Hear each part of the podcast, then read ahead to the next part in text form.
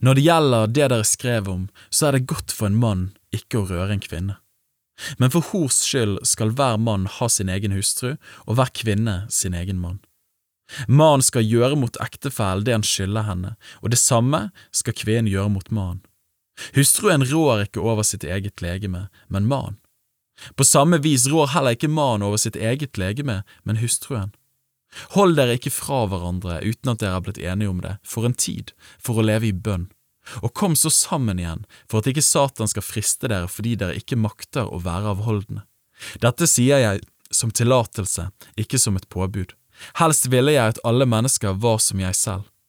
Men hver har sin egen nådegave fra Gud, en slik og en annen slik. Til de ugifte og enkene sier jeg, det er godt for dem om de fortsetter å være som jeg. Men kan de ikke leve av holdene, så la dem gifte seg. For det er bedre å gifte seg enn å brenne av lyst. Til dem som er gift, har jeg dette budet, ikke fra meg selv, men fra Herren. En kvinne skal ikke skille seg fra sin mann. Men er hun skilt fra ham, skal hun enten fortsette å leve ugift eller forlike seg med mannen. Og en mann skal ikke skille seg fra sin hustru. Til de andre sier jeg, ikke Herren. Dersom en bror har en hustru som ikke er troende, og hun samtykker i å bo hos ham, da skal han ikke skille seg fra henne. Og dersom en kvinne har en vantro mann, og denne samtykker i å bo hos henne, da skal hun ikke skille seg fra ham. For den vantroe mannen er hellighet ved sin hustru, og den vantro hustruen er hellighet ved den kristne broren. Ellers ville jo også deres barn være urene, men nå er de hellige. Men dersom den vantro skiller seg, så la ham gjøre det. En kristen bror eller søster er ikke trellbundet i slike ting, for Gud kalte oss til fred. For hva vet du, hustru, om du kan frelse din mann, eller hva vet du, mann, om du kan frelse din hustru? Likevel må enhver vandre slik som Herren har gitt ham, som han var da Herren kalte ham. Dette gir jeg pålegg om i alle menighetene.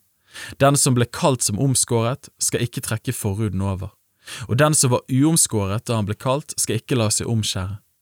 Det som betyr noe, er ikke om en er omskåret eller uomskåret, men at en holder Guds bud. Enhver må bli i det kallet han var i da han ble kalt. Var du trell da du ble kalt, la det ikke bekymre deg, men kan du bli fri, så gjør heller bruk av det. For den som var trell da Herren kalte ham, han er Herrens frigitte. Likeens er den frie som ble kalt, blitt Kristi trell. Dere er dyrt kjøpt, bli ikke menneskers treller. Brødre, bli hos Gud i den staden enhver var da han ble kalt. Om jomfruene har jeg ikke noe påbud fra Herren, men jeg sier min mening, som en som Herren har gitt miskunn til å være troverdig. Jeg mener da dette, på grunn av den nødstiden vi lever i, er det godt for et menneske å leve ugift. Er du bundet til en kvinne, så søk ikke å bli fri. Er du ikke bundet til en kvinne, da søk ikke en kvinne. Men om du likevel gifter deg, så synder du ikke. Og om jomfruen gifter seg, så synder hun ikke. Men de som gifter seg, vil få trengsel for sitt skjød, og dette vil jeg gjerne spare dere for. Men dette sier jeg, brødre, tiden er kort. Heretter skal de som har hustru, være som de som ikke har, de gråtende som de som ikke gråter, de glade som de som ikke gleder seg, de som kjøper som de som ingenting eier, de som bruker verden som de som ikke bruker den, for denne verdens skikkelse forgår. Jeg vil gjerne at dere skal være fri for bekymringer. Den ugifte har omsorg for det som hører Herren til, hvordan han kan være til behag for Herren. Men den som er gift, bekymrer seg for verdens ting, hvordan han skal være til behag for sin hustru. Det er forskjell på hustruen og jomfruen.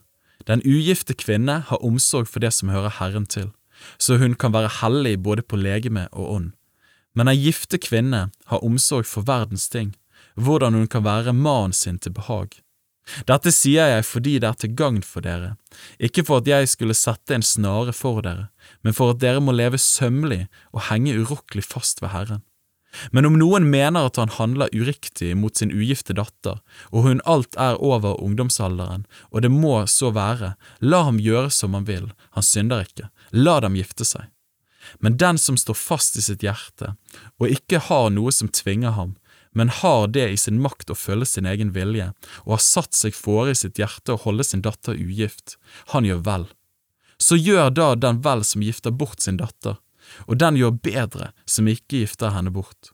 En hustru er bundet så lenge mannen hennes lever, men om mannen hennes er død, da har hun frihet til å gifte seg med hvem hun vil, bare det skjer i Herren.